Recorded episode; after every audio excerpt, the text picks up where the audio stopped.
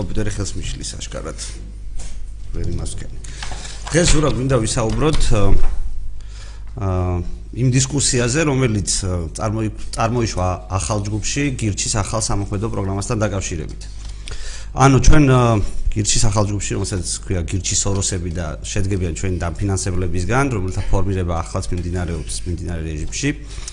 აა დავდეთ გირჩი ახალი პროგრამა, რომელთაც ის უახლოს მომავალში იმუშავებს. ამ პროგრამასთან დაკავშირებით წარმოიშვა შეკითხვები და დღეს გვინდა რომ ამ შეკითხვებს უპასუხოთ.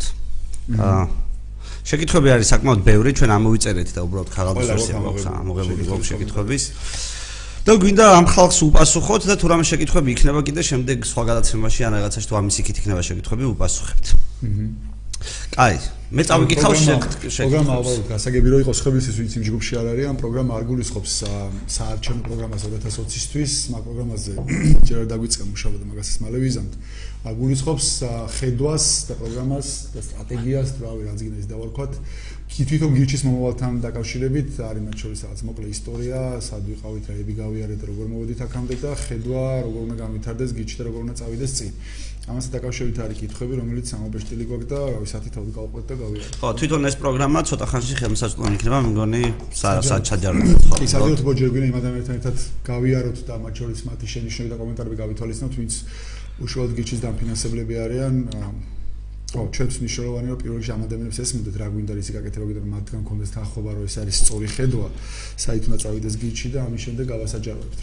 თან ამავდროულად ჩვენ ნაწილი მეგუში შეკითხებს ნაწილს იქვე პასუხობდი და უბრალოდ ხა შენ ბაქაც გავიმეორო რაღაც თვალსაზრისით, მაგრამ ძირითადი ესეთი ძირითადი ნაწილი რომელიც აი მასიური შეკითხვა რომელიც შეიძლება ყოფილიყო მე ვეცადე გუშინ მოპასუხა მაგრამ ამის გარდა არსებობს კითხვები რომელზედაც მე მგონი პირდაპირ ეთერშიც მოგვიწევს შეთანხმება კი აა სწორ გამოსავალამდე მისვლა. მე წავიკითხავ კითხვებს. რომელიც კითხვებს რა, რომელიც იყო და მოსაზრებებს და ჯაფარ შენი პასუხი იქნება და ერთად უპასუხოთ, მაგრამ მგონი ესე ჯობია. ოკეი. აა ლევან ილაშვილი კითხულობ. ილაშვილი. ილაშვილი. ზედმეტად ტექნიკური ხასიათი შენიშნა, მაგრამ გირში კოინები იმედია დაალოქილი იქნება და მე თუ 200 კოინი მაქვს, ვიღაცას ვერ მივცემ. აა არა დალოქილი არ იქნება. ანუ იდეა არის ის რომ დალოქილი რატომ იყოს ვერ ხვდები. საბოლოო ჯამში ამ კოინების რაოდენობა შეზღუდულია, მაგრამ კოინები გვინდა რომ თავისუფალ მიმოცვლაში იყოს და მათ შორის ადამიანებს კონდეთ საშუალება რომ ერთ მომენტში რაღაცები გაცვალო. მაგის პრობლემას ვერ ხედავ. ვიღაცა კოინები საბოლოო ჯამში კი გამოიყენება სისტემაში იმისათვის რომ ვისაც მეტი კოინები აქვს იმას მეტი წონა აქვს რაღაცა ტიპის გაწოდვის მიღებაში, მაგალითად ციის ფორმირება როგორ მოხდება 2020 წლისთვის, მაგრამ თუ ვიღაცას უნდა რომ თავისი ეს წონა გაუცვალოს ვიღაცას რაღაცაში, რაც მისთვის უფრო ღირებულია, რატო არ გაუცვალოს? ვაინათ? ანუ დალოქილი არ იქნება გასვლა შესაძლებელი კი ანუ იდეაში ორი კითხვა აქვს ლევანს და მე მგონა რომ ორივე კითხვის შემთხვევაში ამ კითხვასაც აკლი არის ის რომ რატომ უნდა იყოს ესე ეს ასად არ ჩანს ანუ მეორე მაგალითად ამ იმის თუ მარტივად იქნება ხელმისაწვდომიო პროექტის დასპამვა და კოინების ერთხელში მოხვედრა იქნება მარტივი ამიტომ არ იქნება სწორი ტრანსფერიო და რატო არ იქნება სწორი ტრანსფერი არ მესმის. ანუ რანაირად თუ ეს შეზღუდულია საბოლოოდ ამის რაოდენობა ერთხელში რანაირად მოხდება ხო ფასი აიწევს. ანუ ვიღაცა თუ გაიჩიტა და გადაწყვიტა რომ ეს კოინები იყიდოს მეორესგან და მეორეს მომენტის თუ ფული ურჩევნია იმას გირჩის სისტემაში რაღაცა წონის კონას რომ ფული ჭირდება, რავი რატომ უნდა დაუშალოთ. მე რავი მე მომხრევარ თავისუფლებას, გონია რომ პირიქით. პირი მე მე დაჟე მგონია რომ კი არა დაჟე ვფიქრობთ იმას რომ აა მაგალითად რომელიღაცა გირჩის ამ სისტემის ნაწილს გირჩსა, გირჩის წერს, წერს დავარქო თუ რავი ხარდამჭერს თუ რა მნიშვნელობა აქვს. სიტუაცია რაღაცა მაღაზია აქვს და რაღაცა ნივთებს ყიდდეს და მას უნდა რომ ეს ნივთი გაყიდოს გირჩ კოინებში, მაგის საშუალებაც უნდა კონდეს, რომ გადაურიცხოს მეორე წერმა იყიდოს მისგან არ ვიცი რაღაცა და ამან გადაურიცხოს კოინი. იდეაში გვინდა რომ საბოლოო ჯამში ეს კოინი ამ კოინმა რაღაცა ფულის ფუნქციად შეასრულოს რა. ძელოდიანად თუმცა ეს მნიშვნელოვანი იქნება როცა უკვე პრივატიზაციის პროექტზე გადავალთ, ამიტომ დალოქილი არ იქნება. ეს მაისურაძე ბექას შეკითხვა რომელიც მე ყველაზე მეტად მაინტერესებს და ვფიქრობ რომ ეს ძალიან საინტერესო შეკითხვა არის. ეს არის ფლატ კარგად ვერ გავიგი რა პოლიტიკური იმუნიტეტი შეძენს გირჩი როგორც პარტია გირჩის ბიზნეს პროექტებს და როგორ აიცილებს თავიდან უნიფორმიანების შეჭრას თქვა სკოლაში. ო ეს თული კითხვა. ანუ გირჩის პროექტების იქ აღწერილი როგორც იყო ჩვენ წარმოვიდგინე ეგეთი გირჩის პროექტები პროექტები რომელსაც ადამიანი ადამიანების ჯგუფი ახორციელებენ რომელიც შეიძლება ბიზნეს პროექტია და ამ პროექტის ერთ-ერთი განმასხვავებელი სხვა ჩვეულებრივ რაღაც ბიზნეს პროექტებისგან სხვა რაღაცებთან ერთად მათ შორის არის ისიც რომ რაღაცა ტიპის სახელმწიფო რეგულაციების უაზრობის დემონსტრებას ახდენს. იმის გამო რაღაც სახელმწიფო რეგულაციები არსებობს. რაღაცა სფეროში ვიღაცები იძულებული არიან რომ რაღაცა ხარჯები გაწიონ რაღაც სისულები და აკმაყოფილონ რომელსაც სახელმწიფო ითხოვს და ამის გამო პროექტი რომელიც გავს რაღაცებს არ დაემორჩილება მას ექნება რაღაც თვალსაზრისით ბიზნეს უპირატესობა. სუფთა ეკონომიკურ თვალსაზრისით უპირატესობა შეიძლება იყოს მომგებიანი პროექტი. ამ შემთხვევაში დაცვა არის ის რომ ერთი რომ ჩვენ მიქცევით მორალურად და ხსნით რომ სინამდვილეში სახელმწიფო ამ შემთხვევაში ძალადობს და ჩვენ მივდივარ ძალადობის წინააღმდეგ როგორც ეს იყო მაგალითად როდესაც ჩვენ მარიხონა დავთესეთ ჩვენ ამბობთ სახელმწიფო ჩვენზე ძალადობს იმიტომ ჩვენ უნდა გქონდეს ამის გაკეთების უფლება და სახელმწიფო საქმე არის მე რას დავთესავ და რას გავზდი ხო აუ ერთი რომ მორალი არის ჩვენს ხარეს მეორე თვითონ ამ სისტემის ნაწილი ვინც იქნება ის ადამიანები ყველა ჩვენ ერთად საბოლოო ჯამში რაც არის გირჩი ჩვენ ყველა ვიცავთ საბოლოო ჯამში ნებისმიერ ესეთ პროექტს ჩვენ ყველა გამოდივარ და ვიძახით რომ მაგრამ ფიზიკურად გამოდივარ ხაბია ჩვენი ერთგვარი ერთგვარ თავშეყრის ადგილია გირჩი ამ შემთხვევაში. კი, ანუ დაცვა არის ადამიანების საკმაოდ დიდი რაოდენობა, რომლებიც იძახიან, რომ მორალი არის ჩვენ თავისუფალი ადამიანები. სახელმწიფო იქცევა ამორალურად, ხო, თავისუფალი ადამიანების.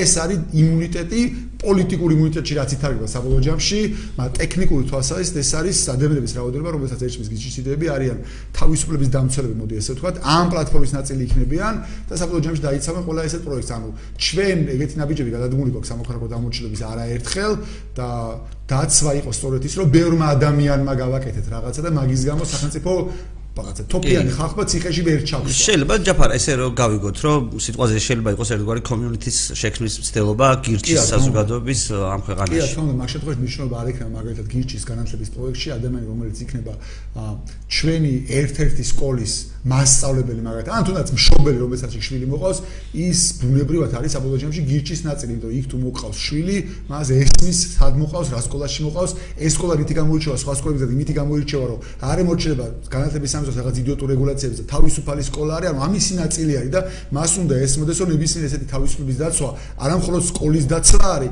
არამედ ნებისმიერ სხვა რაღაცას გავსი პროექტის დაცვა არის საბოლოო ჯამში ამ გირჩის იდეის დაცვა. ეგ არის აზრი რა.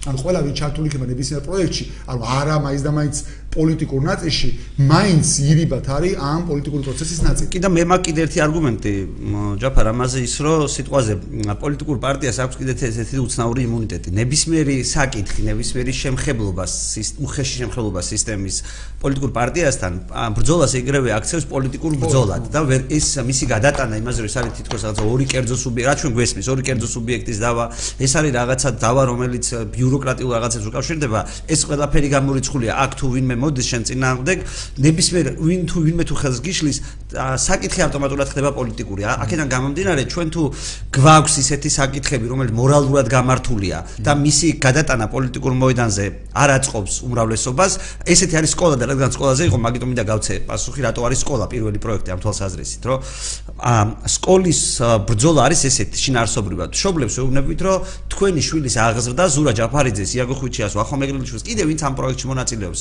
ადამიანებს უკეთესად შეგვიძლია ვიდრე საჯარო სკოლის რომელიღაც მასწავლებელს. ხო სინამდვილეში შინაარსი არის ეს, თან მithuedes იმ პირობებში თუ ჩვენ თავისუფლება გვაქვს და ჩვენ ვასწავლით თქვენ შვილებს იმას, რითიც ჩვენ გვჯერა. რანაირად მიგვაჩნია, ანუ ჩვენი აზრით კარგი ადამიანი ვინ არის, იმას ვასწავლით, მიხვდი? და ასეთ პროექტში თუ როცა მშობლები, მშობელი ხო ისე არ მოგიყვანს შვილს თუ ეს არ ესმის, თუ ამას არ ავუხსნით, რაზე ველაპარაკებით, რანაირი სკოლა არის. წარმოიდგინე რომ ამ მშობელთან სალაპარაკოთ ვინმე რომ მოვიდეს პოლიციის ძალით რომ შენ ბავშვი ასეთ სკოლაში ნუ მიყავს.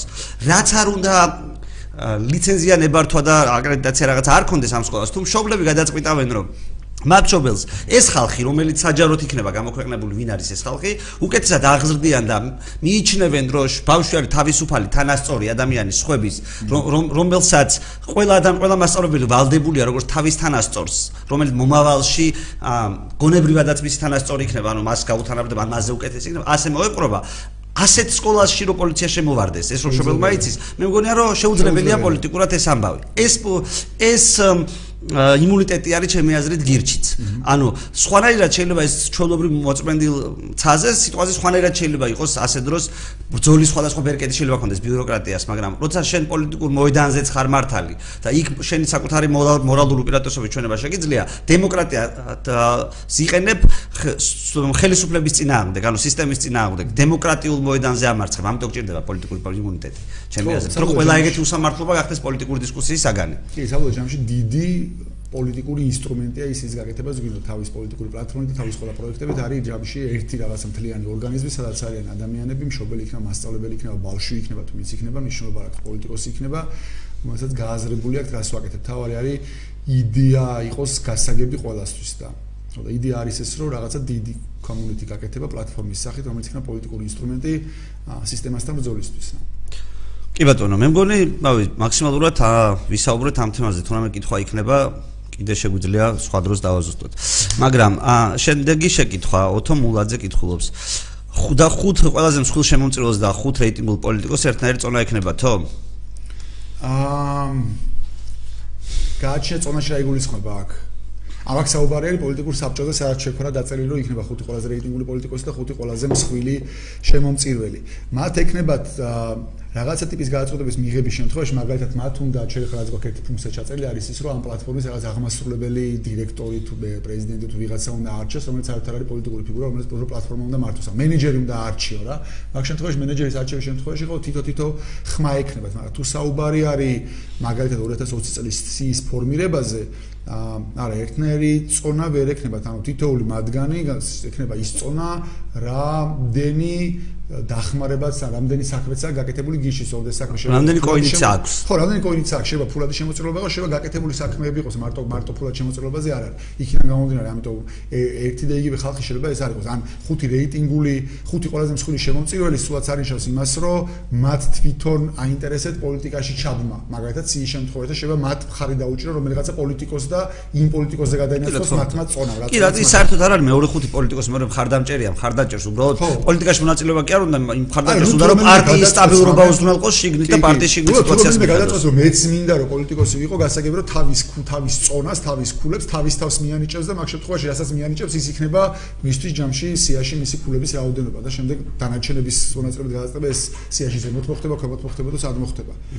ამიტომ გააჩერე რას გულისხმობ? თუ გულისხმობ საბჭოს მე რაღაც გადაწყვეტების მიღებას იმ შემთხვევაში თითო ხმა ექნება. მე მგონი ეს ესეთი მე მეცადას უპასუხე კიდეც ეგეთ შეკითხვას საკუთარ თავის მაგალითზე შემიძლია თქვა აი მაგალითად ადამიანი რომელიც მერაკულაც მაქვს დაგროვებული პირობითად წარსულში ჩემი გრიშ სამუშაობით იმდენს თუ დაგროვებს იმითი რომ ფულს გადაიხდის და შეიძლება რაღაცა რა კოინების მიხედვით ფულს უფრო მეტი ფასი აქვს ჩემი აზრით ვიდრე რაღაც კონკრეტულ მუშაობას.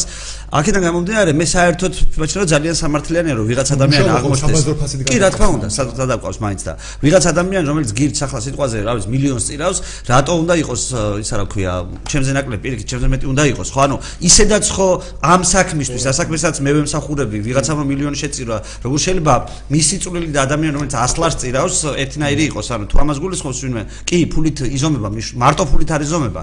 სასამართლოც მაგით გვჭირდება, რომ მხოლოდ ფული არ იყოს საზომი ერთეული და ადამიან ადამიანურობაც გავზომოთ პირობითად. ხო, სასამართლოში მეგონი ახსნილიც არ იყო დოკუმენტში და გასაგება და შეიძლება ჯობდეს ბარემ ახსნა და განახსენო სასამართლო იგულისხმება ის, რომ მარტო ფული არ იქნება და მარტო რაღაცები, ანუ ნებისმიერ შემთხვევაში პირველი ფაილში დიდიც იწყებოდა იყო გირჩის ღირებულებები და მთავარი რაც არის არის ის რომ ნებისმიერ ადამიანი რომელიც ამ სისტემის ნაწილია ამ ღირებულებებს უნდა აღიარებდეს და ესე უნდა ცხოვრობდეს ამ ღირებულებებით და თუ ვიღაცა სიტყვაზე გადაწყვეტს მე რაღაც ბევრი ფული შემოწერა გადაწყვეტს პოლიტიკოსი გახდეს და რაღაცა წავა ამ ღირებულების წინამდე ან გამონათქვამებით ან ქცევით ან რაღაცა მაგის არსებობს სასამართლო რომელსაც აქ ვეტოს უფლება რომ ეგეთი უფლება რომ ეგეთი ადამიანი დაბლოკოს უბრალოდ.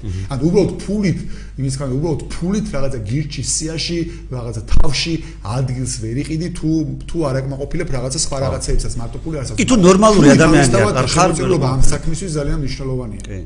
თუ არ ღვევ გირჩის წყალებში კონსტიტუციას პირობითად და ნუ ფუ ანუ ფულს იხდი. მე ესე მგონია რომ რაღაცა გირჩი იყიდება თუ არ იყიდება ფულს მნიშვნელობას ვანიჭებთ რა თქმა უნდა.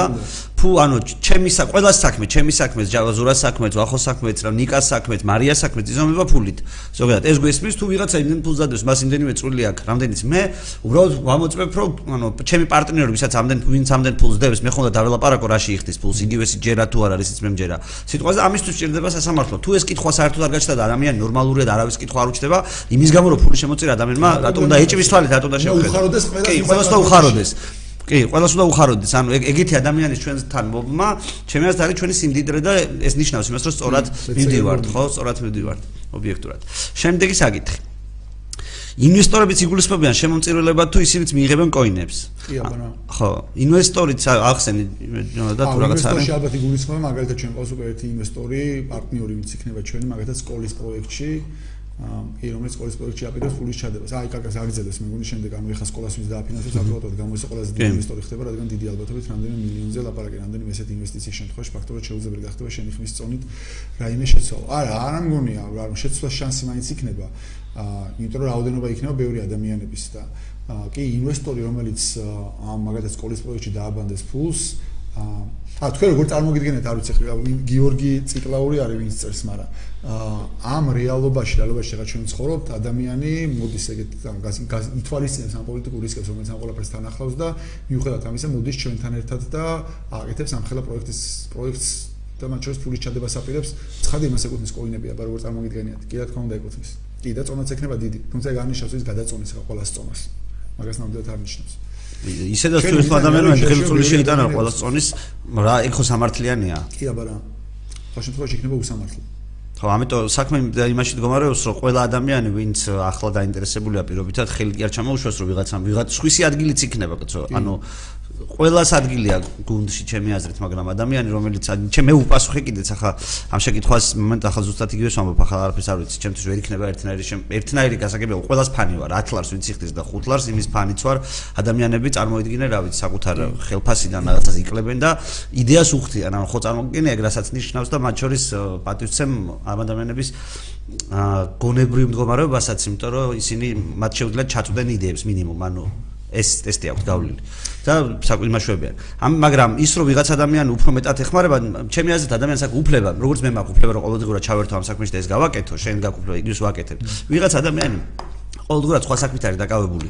სხვა სხვა საქმე აქვს მოკლედ, მაგრამ ამ იდეისთვის თავისი გაკეთებული საქმის ნაწილს უბრალოდ იხდის ფულის სახით. რითი განსხვავდება ხო ყველაფერი თუ ჩვენ თუ მაგის ჯერა რომ ფული აა ის არის რა ქვია ძალიან ისეთი არის. კონვერტირებადია ყველაფერში შრომაში ამაში იმაში. ნორმალური ადამიანებისთვის ყველაფერი შეიძლება ფაქტობრივად შეფასდეს ფულით გარდა რაღაცა მორალური სურვილისა თუ ერთდაიგივე საქმე გვინდა მაშინ ჩვენ მიერ გაკეთებული საქმეები ყველაფერი ფასდება. ხო თუ არ ვართ ახლა რა მინდა შეთქმულების თეორიების თუ აღჯერა და ვიღაცა დივერსანტი ხوار არის აქ შემოპარული რომელიც აფეთქებს რაღაცა შიგიდან ხო აი კიდე აგზევთ საუბარებით შემოტივაციაზე მე თუ ვიცხადე 50 ლარს რატო ჩავიცხავ 100 ლარს თუ ვიცი რომ ერთ შემთხვევაში მე ვერაფერს შევცვლი იმიტომ რომ ვიღაცა მილიონი ჩადო ბიზნესში და არა როგორ შეცამ ვიქ პლატფორმის ნაწილი უნდა იყოს ბევრი ადამიანი, ბევრი ადამიანებს ექნება სხვადასხვანაირი წონების მათი გაკეთებული საქმეებით ან გაკეთებული ფულადი შემოწირულობის შედეგად. საბოლოო ჯამში, მაგალითად, სია როგორ ფორმირდება, მაგას წყვეტს ჯამში თქვენ წყვეთ ადამიანები, რომლებსაც რაღაცები გაკეთებული სხვადასხვა წონები გაქვთ. იმ ადამიანს აქვს რაღაცა თავისი წონა, აა, რა ვიცი, თუ თვითონ გადაწყვეტს პოლიტიკაში წავიდეს, თავის თავზე იმას იზავს დაირიცხავს თუ არა და, რა ვიცი, ვიღაცას დაუჭერს ხარს და ვისაც დაუჭერს იმასთან წავა მისი ქოინები. და სხვა დიდი ადამიანების ძალიან დიდ რაოდენობას სხვას დაუჭერა მხარი მოუგებს იმას რა. ნუ რა ამაზე უფრო ამაზე უფრო სწორი და სამართლიანი როგორ უნდა იყოს? აა არა ესა ჩვენი ხო мотиваცია ხო უნდა იყოს რომ ყველა რაც შეიძლება მეტი ადამიანს მოუნდეს მეტი წვლილი შეტანა იდეის განვითარებაში. და შესაბამისად სტიმულებიც უნდა იყოს იმიტომ რომ ვინც უფრო მეტი წვლილი შემოდის და ეს წვლილი თანხდებით იმაზე რომ თითქმის ყველაფერი ანუ რაღაცა იშვიათი რამ ამისებს გარდა ფუ გადაკონვერტირო ფულში ამიტომ ადამიანი რომელიც უბრალოდ ამ წუთას მის ემოციას მის დროს ყოველდღურად ვერ ვერ უთმობს მაგრამ რასაც უთმობს იმ საქმიდან შემოსულ შემოსავალს იხდის მის ნაწილს იხდის ამ იდეის დაფინანსებისთვის. არ მგონია რომ რამეთი ნაკლები იყოს ჩემზე ეს ადამიანი შოთა წანკაშვილს აქ შემდეგ ვიკითხო ვთქითხო ძელი ტექსტია, მაგრამ ნუ აზრი ის არის, რომ აა პოლიტიკოსი როგორც გავიგე პოლიტიკოსი ვერ ხდები თუ შემომწირველი არ ხარ, მე ეგეთი დასკვნა გამოვიტანე. კი, ანუ რაღაცა რაღაცა ხომ რაღაცა უნდა ქონდეს გაკეთებული გირჩისთვის, შეიძლება ფული არ ქონდეს შემოწირველი, მაგრამ რაღაც საქმეები ქონდეს გაკეთებული გირჩისთვის. რაღაცა უნდა ქონდეს. ისე რა შეიძლება წარმოგიდგენთ ყოფილიყავი, მაგალითად არჩევნზე შეიძლება სიების წერის პროცესში დახმარებოდი. მილიონი რამე შეიძლება იყოს, რაში შეიძლება ქონდეს გაკეთებული და საბოლოო ჯამში ამას ყველაფერს ვაკონვერტირებთ ფულში საბაზრო ფასები და შესაბამისი რაოდენობის ქოინები გექნება. რაღაცა თუ არა გაკეთებული, აბა როგორ უნდა გახდე გირჩის პლატფორმის შიგნით პოლიტიკოსი, ანუ უბრალოდ პროსტა მოვედი და კაი ტიპი ვარ და დავაი ხა პოლიტიკოსი მინდა ვიყო გირჩი არა, ეგრე არ იქნება. რაღაცა უნდა ქონდეს გაკეთებული კი. საიდან უნდა დაიწომა? საბოლოო ჯამში პოლიტიკოსი იქნება წარმატებული იქნები თუ არა და მათ შორის სიაში ზევით იქნება ქვემოთ იქნები ეს ყველაფერი ანუ აქ თავარი ამ პლატფორმის აზრი ისაა რომ მედაიაგო კი არ გადაწყვეტათ მაგას გადაწყვეტავენ გირჩის წევრები თუ გირჩის წევრებს თავს მოაწონებს ადამიანი იმით რომ შევა ფულს არ წირავს მაგრამ ბევრ რაღაცებს აკეთებს გირჩისთვის ბევრ რაღაცებს აკეთებს და ადამიანები ამას ხედავენ და უფასებენ, მაგ შემთხვევაში აიწევს სიაში, ანუ ვიღაცა წონიანი ხალხი დაუჭერს მას ხალხს და მათი წონები გადმოთამაშდება ამ ადამიანზე და აიწევს სიაში ზემოთ. ხო, ეგ არის, მაგრამ რაღაცა თუ არ გააკეთე გიჩისთვის, გიჩის წერები ვერ დაგინახავენ და უბრალოდ მოხვალ ჩვენთან ოფისში და იტყვი მე კაი ტიპი ვარ, რავი, ოკეი, კაი. მე არ ვთქვა, ოფისი არის ადმინისტრაცია, რომელიც არ წავს, მაგრამ კაი ტიპი ხარ, კაი ტიპი ხარ, რავი, ხო, მე კაი ტიპს ვიცნობ, მაგრამ რაღაცა უნდა გააკეთო, რომ გიჩის წერმა დაგინახო, რომ შენ გიჩისთვის რაღაცას აკეთებ, გიჩის იდეებისთვის რაღაცას აკეთებ და თუ არანაირი კონტრიბუშენი არ აგაგინა ან ფულადი, ან არაფულადი, რანაირად გახდები პოლიტიკოსი, ვინ ვინ დაგიჭერს ხარს? ხო. და ერთი აქ ყოფილა მეგონი კითხვა, მაგრამ მახსოვს ადრე გიორგი ჯიბლაძეს ქონდა და კითხვა მახსოვს ესეთი კითხვა რომ შემიძლია თუ არაო პროექტი დავაფინანსო და რა ზოგადად პოლიტიკური პარტიაო. ანუ გირჩიო. ესეთი კითხვა ხონდა ადრე და მაგ კითხვაზე ვიფიქრეთ, მგონი ნუ ერთად ვიფიქრეთ მაგ კითხვაზე და ეგეთი ისა გვაქვს, პასუხი გვაქვს. ნიშნულოვანია ბარემ შემოწირულობებს ვეხებით. ჩვენ უნდა გქონდეს მექანიზმი, სადაც დავაფინანსოთ, სადაც ადამიანი შემოწირული დააფინანსებს პოლიტიკურ პარტიას, დააფინანსებს კონკრეტულ პროექტებს, მაგალითად დააფინანსებს სკოლას, დააფინანსებს სასამართლოს, ან დააფინანსებს გამომცემლობას ან რაღაცას ეგეც. ან არიან ადამიანები, რომლებიც დააფინანსებენ სხვა კონკრეტულ ადამიანებს, მაგრამ დააფინანსებენ სიტყვაზე პოლიტიკოსურა ჯაფარიძეს, პოლიტიკოს ვახომეგრინიშვილს, პოლიტიკოს მაგის სისტემა ისაც ღოა პლატფორმაშიც. ანუ კი მაგას ჩადებული სისტემა რომ იდეაში პოლიტიკოსი რომელიც მოიყვანს ბევრ ხარდამჭერებს რომელიც ასევე შეუმწირველები არიან მაგალითად სტიმული გვაქვს ჩადებული რომ იქიდან 10% კონდეს ამ პოლიტიკოსისგან წავიდეს რა. ხო ანუ ნებისმიერი გირჩის ხარდამჭერი საველო ჯამში 10%-ს უხდის ადამიანს რომელმაც მასზე მოახდინა ის გავლენა რომ დღეს ის გირჩების ჯგუფში ანუ აი ის გავლენა რომ ეს გზა გადააწყვეტინა. მიგვაჩნია რომ ეს არის სამართლიანი პროცენტი ყველა ჩვენთაგანი ისა რა ქვია ფიქრობთ რომ ვიღაცას უნდა გადავუხადოთ სანამ ეს ადამიანი არის ცოცხალი და ზოგადად 10% არის გირჩის პროცენტი ფაქტობრივად ყველა საქმე გამოდის ისე რომ 10%-ს ვითხოვთ როგორც სამართლიან პროცენტს. კი შემდეგ იგივე იგივე ადამიანის კითხვები არის მაგრამ მე მგონი უპასუხი ამას ამიტომ აღარ გავაგზავნე. მე არის მაქსის კითხვა. მაქსი კითხავს საჯარო უნდა გახადო საკუთარი ბიოგრაფია. ეს პუნქტი მისთვის არის განკუთვნილი ეს პუნქტი არის განკუთვნილი გირჩის წევრებისთვის ანუ იმ წევრებს გულისხმობა ამ შემთხვევაში ვინც მათ შორის გირჩის აა ხარდამჭერები არიან ამ ფინანსური ან რაღაცებს აკეთებენ გირჩისთვის და შესაბამისად ქოინებს აგროვებენ. მათთვის არის მნიშვნელოვანი ნებისმიერი ადამიანი, რომელიც იტყვის რომ მე მინდა ვიყო გირჩის სახელით პოლიტიკოს და რაღაცები ვაკეთო, ამ ადამიანის ბიოგრაფიის გამოძიებას მე არ დავიწყებ და იაგვარ დაიწყებს და აქ ოფიციალური რაღაცა ის არ აქვს. CIA არ გვაქვს ჩვენ გამოიკოთ. ამიტომ გონამ ნებისმიერ ადამიანმა ისე როგორც ჩემი ცხოვრება არის საჯარო, ეგო ცხოვრება არის საჯარო, პოლიტიკაში თუ მიდიხარ შენ ბიოგრაფია საჯარო უნდა გახადო და მათ შორის თუ ვიღაც ადამიანებს გირჩში კითხები აქვთ, საჯაროდ ეს კითხები ამ ადამიანს უნდა დაესოს და ამ ადამიანს პასუხი უნდა გაცოს, როგორც მე მიწევს პასუხების გაცემა არა არა ერთხელ და დღემდე გრძელდება ეს რომ რაღაცა საერთოდ რატო წავედი პოლიტიკაში, ნაცებში რატო წავედი, ნაცები და რატო წამოვედი, ბუჭროდესთან რა მინდოდა. აუ არის რაღაცეები ჩემ ბიოგრაფიაში, სადაც ადამიანებს კითხვები აქვს და ამ კითხვებზე ადამიანს უნდა კონდეს პასუხი საჯაროდ გაცემული, როგორც მე ვცემ საჯაროდ პასუხს, ესე უნდა გაცეს საჯარო პასუხი და მე წერება უნდა გადაწყვეტო ეს პასუხები, რამდენად მოსაწონია, რამდენად სანდოა და ასე შემდეგ. ამიტომ გონია რომ ბიოგრაფია კი ნებისმიერ ცალკე აღებული ადამიანის მნიშვნელოვანია. ჩვენ არ ჩვენი ორიენტირი არ არის ტრადიციული პარტიების მსგავსად, რომ ვიღაცა ცნობადი სახეები შემოიყვანოთ, რომელსაც ადამიანები ისედაც იცნობენ რაღაც დამსახურების გამო, რომ ეს არის წარმატებული ფეგურთელი ან წარმატებული კულტურის მოღვაწე თუ რაღაცა, რომ კითხები არ არის, იმიტომ რომ ამას კაცო ჰამლეტი აქვს ნათამაშები, ან ამას რაღაცა არის, ჩემპიონთა ლიგაზე აქვს ნათამაშები, ხო? ჩვენ გვინდა ისეთი ადამიანები შემოიყვანოთ, რომლებსაც ეგეთი ტიპის ცნობადობა არ აქვს და ცნობადობა გირჩი უნდა შეიძინოს და პირველ რიგში თავისთავად უნდა გააცნოს გირჩის წევრებს, რომლებსაც მე ამას პასუხარი უნდა დაუჭირო, ან უნდა დაუჭირო და ამ შემთხვევაში ბიოგრაფია მნიშვნელოვანია. კი, რა თქმა უნდა, ბიოგრაფია მნიშვნელოვანია, ხა თუ თან მithumetes ჩვენი ეს მთელი სისტემა არის ხო მათ შორის შემოწირულობებზე დამოკიდებული და ფაქტობრივად ჩვენ ხო სახელმწიფოსგან ვამბობთ, რომ უარს ვაცხადებთ ფულის მიღებაზე, ანუ ადამიანებს, რომელიც ჩვენი მომსახურებით სარგებლობენ და აწუხებთ ქვეყანაში თავისუფლები მეტი თუ ნაკლები თავისუფლება იქნება, ზოგადად ამ თემაზე ნერვიულობენ. ა ამ ადამიანებისთვის ხო, რა ვიცი, ჩვეულებრივი ამბავია ის რომ რაღაცნაირად უნდა ჩაერთონ, რაღაცნაირ მონაწილეობა უნდა მიიღონ ობიექტურად ამ პროექტში. მორალურადაც უფრო სწორია, მათ შორის ჩვენთვისაც ხო ისეთი, ანუ ადამიანი რომელიც ამ საქმეში მონაწილეობს ამ ფორმით, შენც მას უყურებ როგორც თანასწორ, შენნაირად მონაწილეობს, ანუ ვისაც როგორ შეგვიძლია იმ საქმეს მნიშვნელოვანია მისთვის, მას ეს ამბავი აწუხებს, მიუხედავად იმ მდგომარეობისა, რომ ქვეყანაში არის.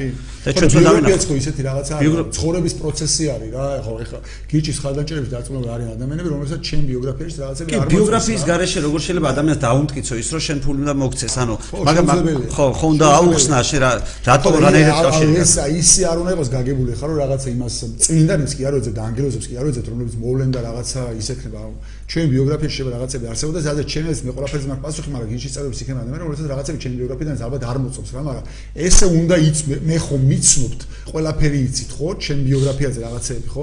ესე უნდა იცოდეთ ვიღაცა შეიძლება რაღაცები მოგეწონ შეიძლება რაღაცები არ მოგეწონს მაგრამ ჯამში მე წონი რა ამ ბიოგრაფიებსაც მათ შორის და იმას ხო და მაგის მიხედვით მაგის მიხედვით მე გადაწყვეტილებას ვის დაუჭირო ხარ და ვის არ დაუჭირო ამიტომ გონია რომ კი მნიშვნელოვანია პირველ რიგში ამ ყველაზე მნიშვნელოვანი ნაწილი მანდ ისაა რომ ბიოგრაფია უბრალოდ კი არ დადოს ამ პასუხები უნდა გაცეს რაღაცა კითხვები თუ იარსებებს მასთან მიმართებაში. ხო მარტო ბიოგრაფია ხა აქაც კიდე ბიოგრაფიაზე მოწარმოიგეთ იმას რომ რაღაცა სამსახურში რო იღებენ იქ რო რაღაცა იმას CV-ს ადგენებენ. ეგეთ რაღაცაზე კი არ ლაპარაკი. ეგეთ რაღაც ეგეთ მაგის შეიძლება იყოს მაგრამ ბიოგრაფიის ნაწილი შეიძლება იყოს რაღაცა რა ვიცი მისი Facebook აქტივობა რა ხო რაჭყვაზე იყო 2 წელი რაჭყვაზე იყო 5 წელი რაჭყვაზე იყო 10 წლის წინ რა. და მაჩოს მაგაზის პასუხი მაჩოს უნარი აღიარების ანუ კაცო ადამიანის შეცდომის აღიარების უნარი თუ შეუძლია გასაგებია იმაჩ ყველას ყველას მეც ჯერო და მილიონერას სწორ რაღაცების ხო მაგ არ არის პრობლემა მოკლედ ანუ მაგასტები არიან ჩვენთან რომლებიც ეხა არიან ჩვენ ჩვენი იდეებზე გადმოსული ხო? ანუ თავის ცხოვრების 3-4 წლის წინ სხვა ჭყვაზე იყო ადამიანები რა. მაგრამ რაღაცები გაიაზრეს და პასუხის გაცემა შეუძლია რატო იყო იმ ჭყვაზე აგიხსნის რა. ან ნებისმიერ შემთხვევაში ჩვენ ხო გჯერა რომ სანამ ცოცხალი ადამიანს აქვს შანსი. კი აბარა მოკლედ შოთა ცანიკაშვილი კითხულობს ა ეს გავიარეთ. გავიარეთ? ხარ მე გადავედი მეორეზე მაქს ხო ოკეი. მაქსი გადავედი ოკეი. ბექა ბაქარა აი რაღაც ამბოზო ბარი გავხსენი ვაკეში და ერთ კვირაში უკვე მოგმართეთ საერთო ინტერესები და გვილაგებინა მაგრამ არჩევნები დამწყდა მესმის სასიტუაციები იყო. სხვა დროსაც გამოგვიარეთ შოთა დავილაპარაკოთ მე არ აზია რა ვარ და თუ თუ გამოგვივლი დავილაპარაკოთ რავი დავილაპარაკოთ საერთო ინტერესებს ბაქარ არაბული ჩემი აზრით პირველი ინფორმაციისთვის საკმაოდ აქმადი ერთ-ერთი რასაც გავმიჟნავდი არის გიჩის პლატფორმის ქულების გამოყოფა პრივატიზების ქონებისგან. ეს კარგად არ ჩანს. გიჩის ქულები შეიძლება ვიღაცა საკმაოდ ბევრი კონდეს რაც ნიშნავს რომ ის ხანს მეტი წონა აქვს. გიჩი მაგრამ ამში და მეტი წონის გამო არ ნიშნავს რომ პრივატიზაციის განხორციელებისას მეტი მიწა შეხვდება. მე როგორც მივხვდი პრივატიზაციის პროექტში საწყის მდგომარეობაში ყოველას თანაბარი ქოინები აქვს და შემდეგ ხდება სპეკულაცია. ეს კითხვა ამოვწურეთ ჯაფარ მე და ბაქარმა. ხო იდეაში ამოვწურეთ ამიტომ შეგვიძლია სხვა კითხვაზე გადავიდეთ. ამაში გულოთ აუხსნათ რა შეიძლება პასუხი მაგას აუხსნი ანუ საუბარი არის იმაზე რომ კი ყველა მოქალაქეს დაურიგდება თანაბარი კოინები თვითონ ამ პროექტის განხორციელებისთვის უბრალოდ ჩვენ ვიზახეთ და კოინების 10%-ს ვიღებთ როგორც ადმინისტრების ხარჯს და მათ შორის ამ პროექტის დაქოქვის ანუ ამ პლატფორმის გაკეთების დაქოქვისთვის ვიყენებთ ამ კოინებს ანუ ჩათვალეთ რომ 10% გვაქვს იმისათვის რომ რაჭება ბევრი ადამიანი ამ სისტემაში ეხა ჩავთო და დავიწყოთ ეს თამაში. მაგისთვის გვინდა 10%-ის გამოყენება რომ რაჭება ბევრი ადამიანი ჩაერთოს და ყველა ადამიანი რომელიც ამ პლატფორმისთვის რაღაცას გააკეთებს კიდევ იმერ რომ მნიშვნელობა არ აქვს ის იპოლიტიკოსებს უბრალოდ გიჟს მოეხმარება რაღაცების გაკეთებაში რაღაცის დიზაინის გაგვიკეთებს არ ვიცი რაღაცებს დაარიგებს თუ სკოლაში მასწავლებელი იქნება თუ შობელი იქნება თუ ნიშან ადმინისტრატორი იქნება მნიშვნელობა აქვს ყველა ამ ადამიანებისთვის ვიყენებთ. ამ კოინებს ჩათვალეთ რომ 10% არის ამ ადამიანებისთვის რომლებიც ეხა პირველები იქნებიან ვინც გიჯს ენდობიან ამ პროექტს და გამოყვებიან. მათთვის არის ეს ადამიანი რომ საბოლოო ჯამში ეს ეს პლატფორმა დაიქოქოს და დანარჩენი რაც იქნება კოინების 90% ისინი გადანაწილება თანაბრად. კი ამათ ექნება კოინების თვალსაზრისით უპირატესობა სწორედ იმის გამო რომ პირველები არიან ვინც ამ პროექტს ენდენ და გამოყვნენ. ნდობა ფასდება დობას და დობას და კონკრეტული პროექტის ხელშეკრულება. და რისკიც მათ შორის ამ პროექტის განხორციელება ხო უნდა ჭირდება განხორციელება ამ პროექტის განხორციელებას ჭირდება კონკრეტული რესურსები, ფულადი ან არაფულადი. ხო და უასო ორ მაგად კი არ ფასდება, ფასდება 10 მაგად სიტყვაზე ანუ. მე ვერ მომაგ 10 მაგად ფასდება მართლა, იმიტომ რომ კოინებს რომელსაც მე დავარიგებ, სხვა ფასი იქნება და ეხა ასჯერი აფათ ვარიგებ წინამდვილეში. ანუ 1 ცენტად ვანგარიშობთ ეხა და მე გასწრებით მეტი იქნება ფასი რა. ოკეი. აა შემდეგი არის ბორის სოლომონია. მოდი შეგაწყვეტ უბრალოდ ეს კითხვა ადრეს დავსე 10%-ზე გასაგებია შესაძლოა შემციდეს კიდე ხმების მიღების მოტივი. თუმცა ამავე მოტივით ტექნიკური კითხვები მაქვს. ერთი ის ვინც ხარდამჭერია თავს ხომ არ შეიკავის გიჩის ხელისუფლებაში მოსვლამდე ხალხისთვის დარიგებული კოინების ყიდვისგან, რადგან ამით გიჩს ამორჩეველი არ წაართოს. ის ვინც გაყიდის კოინს კიდევ უფრო ნაკლები სტიმული ექნება, რომ ხმა მისცეს გიჩს. თუ მხარდამჭერები თავს შეიკავენ ყიდვისგან, არ მხარდამჭერებისთვის ეს ხომ არ იქნება. პირველი დაშვება არასწორი. აა, რაჭოვის დაწყება ხელისუფლებაში მოსვლის შემდეგ რომ იყოს შესაძლებელი. აა, მე მგონი იგივე 10%-ზე არის გაუგებარი. აა, აქ არის ამ აქ საუბარი არ არის იმ კოინებზე, რომელიც მოსახლეობას დაურიგდება და შესაბამისად ყოველას უნდა კონდეს სტიმული, რომ საბოლოო ჯამში ეს პროექტი განხორციელდეს. აქ საუბარი არის 10%-ზე, რომელსაც წინასწარ ვიღოთ, რომელსაც პროექტის განხორციელებისთვის ვიყენებთ. აი ეს 10% კოინების სახით, რომელიც მაგათაც ვიღაცამ ფული შემოგწირა, შესაბამის კოინებს იღებს, ვიღაცა მასწავლებლად მუშაობს სკოლაში, ის კოინებს მიიღებს. ანუ ამ ეს კოინები მათ შორის გვინდა რომ ერთმანეთში თავისუფალი მიმოცვლა იყოს, მაგრამ ეს არ ეხება იმ 90%-ს, 90% რომელიც მოსახლეობას დაურიგდება მეერე პრივატიზაციის პროექტის შემთხვევაში, იმას ხელი არ ეხება და შესაბამისად პირობითად თითო სულზე თუ მოვა 10000 კოინი, 10000 კოინი მაინც მოვა იმ ერთ ადამიანზე და შესაბამისად იმას მაინც ექნება სტიმული, რომ საბოლოო ჯამში ეს პროექტი განხორციელდეს, ანუ არ მოუკლავს. ა ხარდამჭერს, რომელიც გიჩის ხარდაჭერი ხდება მაგ პრივატიზაციის პროექტის განხორციელების იმედით, რომ მე 10000 კოინს მივიღე და პრივატიზაციაში მივიღე მონაწილეობას, ექსტიმული მაინც დარჩება, იმიტომ იმ კოინებს არავინ არ ეხება, ის მათი კოინებია. მე მგონი ეგ არის პასუხი რა. კი, ეგ არის 10%-ის განაწილების წესი და ერთადერთი რაც იყო, რაც მე პირველი რაც იყო, რა რად ლოგიკაც მე არ ვერ გავიგე და შესაბამისად მაგის ქვემოთ გონია, რომ შესაბამისად ლოგიკიდან მე ავწდი ამ ლოგიკას. არო ეს რომ გირჩის მხარდამჭერი ვინ მხარდამჭერია თავს ხوار შეიკავებს ხელისუფლებაში მოსვლამდე ხალხისთვის დარიგებული კოინების ყიდვისგან რადგან ამით გირც ამორჩეული არ წაართვასო და პირიქით არის ეგ. რაც უფრო მეტი ადამიანი ყიდულობს ამ კოინებს და ცვლის ერთმანეთში მით უფრო მეტი ფასიედება ამ კოინებს და მანდარი მე მგონი ანუ ეს მე მგონი ეს ადამიანი ფიქრობს რომ ბორის სოლომონია ეს ადამიანი ფიქრობს რომ ჩვენ კოინებს ეხა ეგრევე ვარიგებთ ყველასთვის და ვიღაცებს ეგრევე საშუალო ერთმანეთისგან მიყიდონ მაგრამ მაგის საშუალო ეხა ხوار ეხა იმ კოინებს ხوار ის კოინებს. მაგას მეორე ეტაპი არის განხორციელების პროექტის. გირჩის პლატფორმაში თუ გააწევრიანებთ მაგალითად ჩვენ ვთვლით რომ გიჩის პლატფორმაზე გაწევრიანებული ადამიანი გიჩის ხარდამჭერია უბრალოდ იმის გამო რომ მაგალითად ჩათვალეთ რომ ელექტრონული საფულე გაუხსენით მას და იმ ადამიანს უკვე მოვიაზრებთ რომ შეიძლება კოინები დაერიცხოს მე პრივატიზაცია არა მაგაზე ესეთი რაღაცა იყო ჩვენ რაც არ ეხება იმის კოინებს ვერავინ ვერ იყიდეს მაგის კოინებს ვერავინ ვერ იყიდეს მაგრამ ვთქვით რომ ყველა ადამიანი ვინც სხვა ადამიანს ამ იმაში დაარეგისტრებს ამ ადამიანისგან უნდა მიიღოს 10% ეს მიგვაჩნია სამართლიანად ანუ ეგ ნიშნავს რაღაც თვალსაზრისით ამ გირჩის პროექტში მონაწილეობის მიღებაზე რომ დაიყოლი ადამიანი, შენ გასწიე შრომა და ამ ადამიანს მოიყვანეს დააყენეს სწორ გზაზე, მოკლედ. იმის რისით ჩვენ ვჯერა და ამაში იმ ადამიანისგან, ვინც სწორ გზაზე დააყენე, იმსახურებ 10%-ს. მაგათაც შვილიშნო მოიშვილიშნო მოვიდა და ბებია გააწევინა პლატფორმაში, თავის პირადინობრი და ამბები და ცესკოს ბაზასთან დაკავშირებული იქნება და რაღაცეები და კი, მაგას თulit რომ ამ ადამიანს საქმე გააკეთა, იმიტომ რომ რაღაც პონჩი დაარწმუნა საკუთარი. ბებია, რომ გიჩის ხარდაჭერა ღირს. ეგრე აღვიქონთ მაგას. ამ ვიყოთ წავიკითხოთ ეგ ინფორმაცია უბრალოდ რო იცოდეს რა. და ასე ვაპირებთ იმას, რომ სიტყვაზე მაგალითად მე რაში მაქვს უპირატესობა და არ ვაპირებ ამ უპირატესობის გაფლანგვას და მე მგონი არ ზურა ის, რომ სიტყვაზე არ ჩვენ ვინაიდან საჯარო პირები ვართ, ბევრმა ადამიანმა ჩვენგან მოისმინა სიტყვაზე ის იდეები, რომელიც მათ გირჩისგან ესმით. და ზოგჯერ მაგალითად მე ბევრი ადამიანი ესეთი აღმოაჩინე ესეთი, რომელმაც ამ იდეებზე ფიქრი თურმე რაღაც რომელიღაც ჩემი გამოსვლის მერე დაიწყო და ნუ იდეაში ესეც სამართლიანი პირობა გვაქვს რომ მათი კოინების 10% გვინდა. თუ ისინი შენი რეფერალი გაწევიანდებიან კი თუ ისინი ანუ მათ უნდა დაასახელონ ერთი ადამიანი ვინც ისინი დააყენა სწორ გზაზე და თუ ჩვენ ვართ ჩვეულებრივად როგორც ეგ შეიძლება იყოს მათი მშობელი ან შეიძლება იყოს ჩვენ. ადამიანის პატიოსნებაზეა დამოკიდებული მაგრამ ნუ ზოგადად ჩვენ თვითონაც ფიქრობთ რომ ეგეთი 10% უნდა გადავხადოთ სხვას რომ ეგ იყოს community შექმნის ერთ-ერთი გამყარების ერთ-ერთი გზა კი მე მას გავგზავნე. ჰაიქს გავგზავნე პასმერტმა. ჩემი გოინებს ატყობთ არა მე მგონი კარტასლებს და დავალებოთ თავის სადაც არიან იქ იყვნენ ცოცხლებში და შეარჩიო. გიორგი ჭაუჭიძე აღთოვანებული მხოლოდ კორექტურა რედაქტირება მისახედი ჩემი შენიშნო ფიქრობ 5+5 კიდევ უნდა დაემატოს 5 მუდმივი წევრი ეგეც წოდებული გიჟი დამფუძნებლები თქვენ ნიაგო ვახო ნიკა გიორგი ესენ შეიძლება გიჩისგან ხელფასსაც იღებდნენ. სხვებს რომლებიც გიჩისგან ხელფასს იღებენ უნდა აეგზავნოთ გიჩკოინების დაგროვებაში მონაწილეობა ანუ გიჩის ხელფასი არ უნდა გიჩკოინდებოდეს წარმატება. აა ეგორი რამდენიმე რაღაც არის ჩემს საპასუხო. აი ერთი რომ ეს საბჭოსის რო გავაკეთეთ 5+5 ხა დაგინებულ ბიბლიაზე კი არ დაგვიფიცია რომ მაინც და მაინც ეგრე უნდა იყოს შეიძლება ხება 10 იყოს შეიძლება 15 იყოს.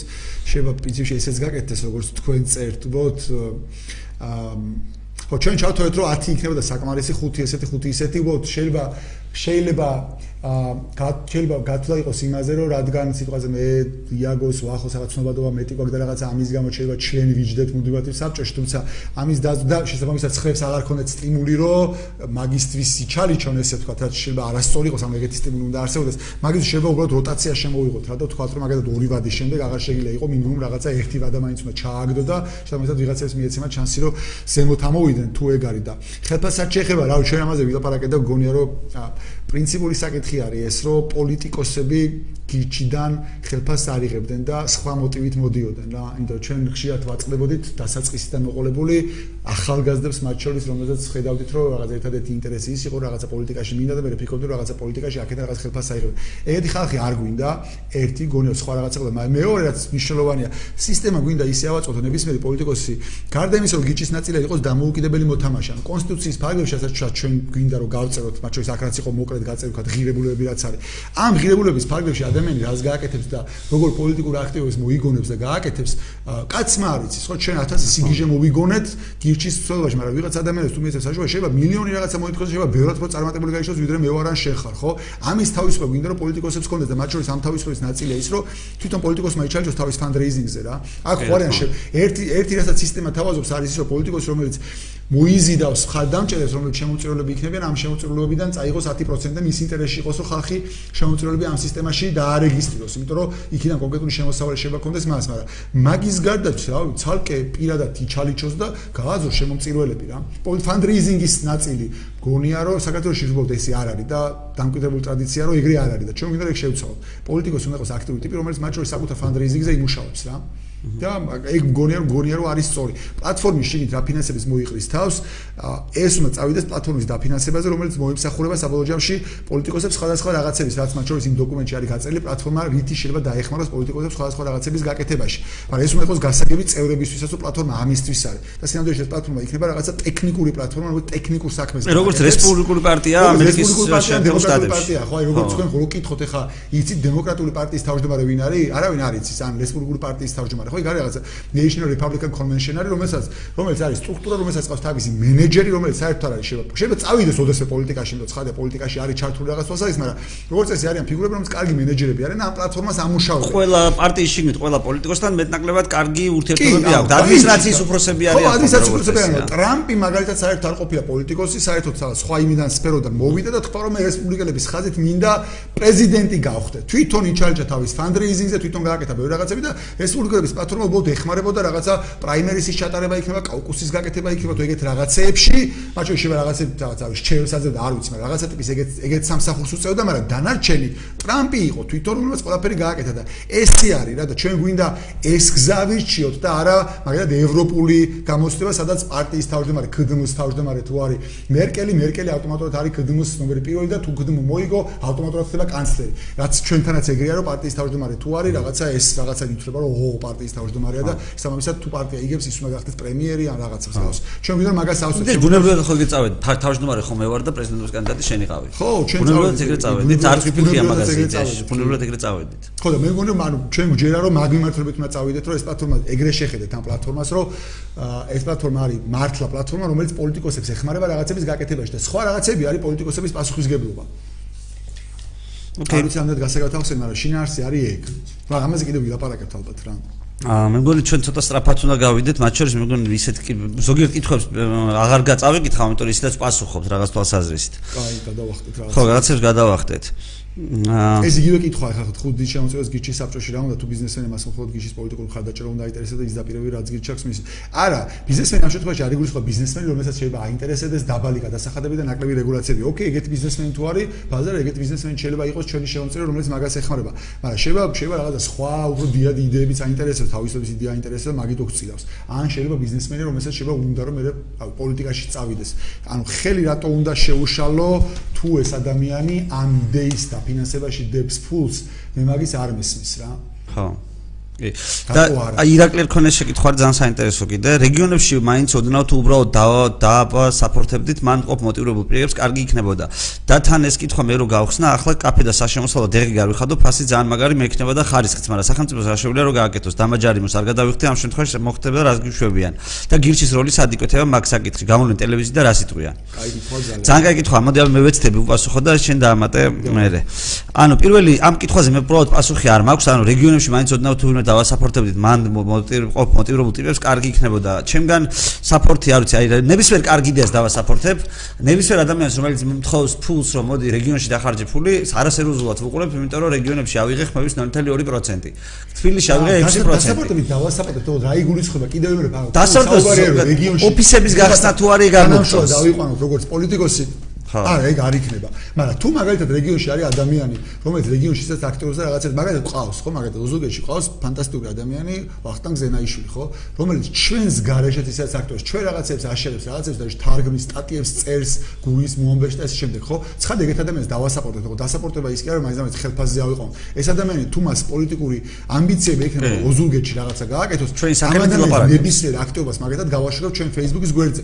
სტატიას დაწერ სტატიას დავდებთ ჩართვა ექნება სადმე ეთერში ტელევიზიაში წავა დავდებთ იმას. არ ვიცი, რაც არ უნდა გააკეთოს, ჩვენგან საპორტი ექნება ყველანაირი, ანუ გამოვაჩენთ მაქსიმალურად, მათ შორის თუ შევძელით და ვეხმარებით იმაში, რომ ცენტრალურ არხებზე ტელევიზიაშიც, თუ ეგ ძალიან რთული გასაკეთებელია და პრობლემური ამბავი იქნება. მათ შორის იმაზეც არის დამოკიდებული, ხარდამჭერზე არის თვითონ დამოკიდებული, ამდენად საინტერესო რამეს მოიფიქრებს ადგილობრივ დონეზე მინიმუმ. კი რა თქმა უნდა, მაგრამ ეგეთი ეგეთი მხარდაჭერა ცხადია ჩვენგან ექნება ნებისმიერ ეგეთ ადამიანს, ხო? ვახტანგზე კითხვის ნიშნები არ გვაქვს, მაგრამ ახალი თუ გაგვაჩნდება ადამიანი, შეიძლება უნდა გვაჩვენოს. რა რისი გაკეთება უნდა რისი ჯერა და ასე შემდეგ მართლა რამდენად რამდენად გირჩი არის რომ მაგის შემდეგ კონდეს მაგის ისე რომ გირჩის სახელით სადღაც რაღაცა აკეთოს რა. ხო და რა შეიძლება მეორე საგადასახადო ნაწილს რომ ანუ ადამიანო არ გადაიხადოს DGG ანუ ესე რომ იფუნქციონიროს ჩვენ ზოგადად ყველა მიცის რომ დაბალი გადასახადების მომხრე ვართ ზოგადად რა ვიცი და გადასახადები არ გვიყვარს. უბრალოდ ეგ არის ჩემი აზრით ბოლო ეტაპი როდესაც ჩვენა შეგვიძლია ადამიანს გარანტია მივცეთ იმაზე რომ გადასახადი არ გადაიხადოს ან ნაკლები გადაიხადოს. ანუ ამ შემთხვევაში გჭირდება მინიმუმ ხმების უმრავლესობა იმ პროცენტებით რა პროცენტით ჩვენ გვაქვს ამის მიღწევა უბრალოდ არის შეუძლებელი. და აქედან გამომდინარე აქ უბრალოდ უნდა ვიბძოლოთ იმისთვის რომ არ მოგვემატოს და ყველაფერი გავაკეთოთ იმისთვის რომ შემცირდეს მაგრამ უნდა გვესმოდეს რომ ეს ის ისაკითხი რა რომელიც ჩვენი გადასაწყვეტია ამ წუთას თუ ამდენი ხმების რაოდენობა გვექნება. თუ გვექნება უფრო მეტი ხმების რაოდენობა ჩვენს ხმას მეტი ფასი ექნება და შესაბამისად მეტი საჭიროება გახდება იმის რომ ჩვენ შეგვითანხმდნენ თუ ჩვენ ვიგებთ მაშინ არავისთან არ დაგჭირდება შეთანხმება იმაში რომ გადასახადი ნაკლები იყოს ეს არის ოფიციალური. მე წავხსნია, ჩემი ჩემი ჩემი ინით ვწდი ახსნას, ანუ გადასახადო ძარცვა ამაზე ამ ოფისში საყოველთაო კონსენსუსი კონსენსუსია რა. და რაღაც იმ სისულელებს არ ვჯერო გადასახადებს იმიტომ ვიხდი უფრო ცივილიზებული საზოგადოება იყო და ეგეთი ბოდოების ნაკლებად ვჯერა. მაგრამ ეს ხო საბოლოო ჯამში პოლიტიკური პროექტია. ანუ ჩვენ მოდი ესე შევხედოთ, ანუ მარტო მე კი არ მინდა ესე უყურებდი, ანუ მინდა რომ თქვენც ესე უყურებდეთ, ვინც ეს კითხვები დასვით და ვინც ხართ იმ ჯგუფში, გირჩის სოროსებში, ანუ ვინც გვაფინანსებთ. აა არსებობს რაღაცა სფეროები აა სადაც გარღვევა ანუ ეს ეს არის უკვე კაკრას აი რაც გონია რომ არის პოლიტიკის ნაწილი არსებობს სფეროები სადაც ჩვენ შეგვიძლია გავარღვიოთ იმდენად მტკიცეთ ვიდგეთ ფეხზე. არა მხოლოდ მორალურად არამედ ისედაც სადაც სახელმწიფო შეგვიძლია დავახევინოთ უკან და არსებობს სფეროები სადაც ძალიან გაგვიჭირდება ეხლა ამ მოცემულობაში მაგის გაკეთება. ხო გადასახადები მგონია რომ არის ეგეთი თემა ეხლა ამ წუთში რომ მან ეხლა დარტყმა მგონია რომ წამგებიანი იქნება. ვერ გავიტანთ უბრალოდ წავაგე და დამარცხებით რაც შეიძლება ცუდად აისახოს პირ სხვა რაღაცებზე. ანუ გონია რომ ეგეთი ტიპის პროექტები შეიძლება მათ შორის ხარ ეგეთი ტიპის პროექტიც იყოს რომ ვიღაცამ თქვას რომ არ მინდა გადასახადების გადახდა და არ ვემორჩილები რა. ჩვეულებრივი დამორჩილების ამბავია. გონია რომ გადაწყვეტების მიღება მოგვიწევს პროექტების მიხედვით საღიაზრის დონეზე პოლიტიკურად სად შეგვიძლია ხო დავეჯახო და გავანგრიო და მოუგოთ სახელმწიფოს და ეს ჩავაბეტონოთ ეს გამარჯვება და მე წავიწიოთ წინ. ხო ანუ ამ პლატფორმას ესეც შეხედათ რომ ეს პლატფორმა ეხლა იქოქება და ნელ-ნელა უნდა გაზრდიდეს, გაზრდიდეს, გაზრდიდეს, გაზრდიდეს და რაღაც ეტაპები უნდა გავიაროთ. ანუ რაღაცები ნელ-ნელა უნდა გავარღვიოთ, გავარღვიოთ, გავარღვიოთ, ხო? ანუ განათლებაში თუ ჩვენ ეს პროექტი გავიტანეთ, ეს ნიშნავს რომ სისტემას დავამარცხებთ, იმიტომ ნებისმიერ კერძო სკოლას ექნება საშუალება რომ დაიქიდოს სახელმწიფო რეგულაციები და გააკეთოს კარგი სკოლა, ისეთი როგორც მის პატრონს წარმოუდგენია და უკეთესი, უფრო ხარისხიანი განათლება მიყიდოს მშობლებს, ხო? ანუ ეგეთ ეგრე ვიფიქროთ რომ ვიწყებთ და სხვა სხვა პროექტებს ვამატებთ, სადაც შეგვიძლია გამარჯვებები მოვიპოვოთ. ანუ პოლიტიკურად შევხედოთ, სადაც შეგვიძლია პოლიტიკურად განგრევა და სა ჯერ არ შეგვიძლია, ხო? ანუ ეს კითხვა რაც არის, კარგი კითხვა ძალიან, მაგრამ მე მგონია რომ ეხლა ჯერ ამის მზაობა ჩვენ არ გვაქვს. ანუ ამას ეხლა ვერ გავანგრევთ. უბრალოდ ფიზიკურად ვერ მოვიგებთ, ამიტომ სახელმწიფო მოგვიგებს და ცუდად მოგვიგებს. ამიტომ გონია რომ ნელ-ნელა ნელ-ნელა მივიდეთ და მათ შორის სახელმწიფოს სისტემის შიგნით თანამოაზრეები, ჩემი აზრით, ანუ სახელმწიფო არ უნდა და ისა და საჯარო მოსამსახურები, ანუ ის ხალხი, რომელიც ახლა ამას აკეთებს, ჩვენ არ უნდა ვიყურებდნენ როგორც მტრებს, ანუ ჩვენ უნდა შევძლოთ მათ შორის დავარწმუნოთ ეს ადამიანები ის რომ სწორად ქცევა არის ის რასაც ჩვენ ვითხოვთ. ანუ სანამ არ დავარწმუნებთ, აქ არ შეიძლება ბრძოლა. სწორად და მორალურად. ხო, და სწორად და მორალურად ქცევა. ანუ ჩვენი მეთოდი არ უნდა იყოს ვინმესთან ბრძოლა. არავინ არ არის ჩვენი მტერი.